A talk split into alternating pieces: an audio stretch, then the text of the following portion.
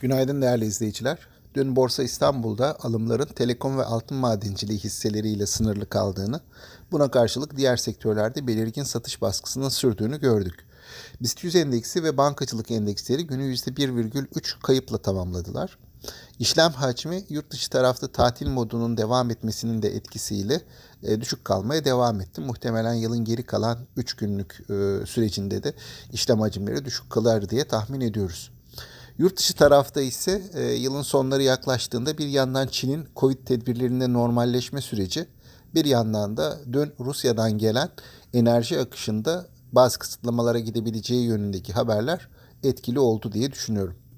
Dün ABD hisse senedi endeksleri Noel tatili sonrası e, haft- haftaya hafif e, alıcılı bir başlangıç yaptılar. Ancak bu sabah itibariyle baktığımda e, endeks vadelilerin ekside olduğunu görüyorum. E, yılın son üç gününde Borsa İstanbul nasıl e, olur? E, burada çok büyük bir ivme kazandıracak haber akışı olacağını düşünmüyorum.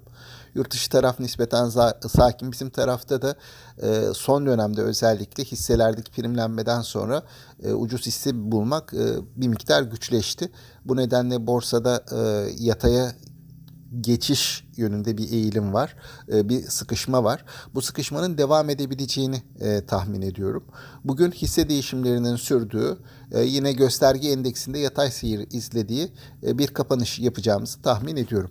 Aktaracaklarım bunlar. Sağlıklı, bol ve bereketli kazançlı günler dilerim.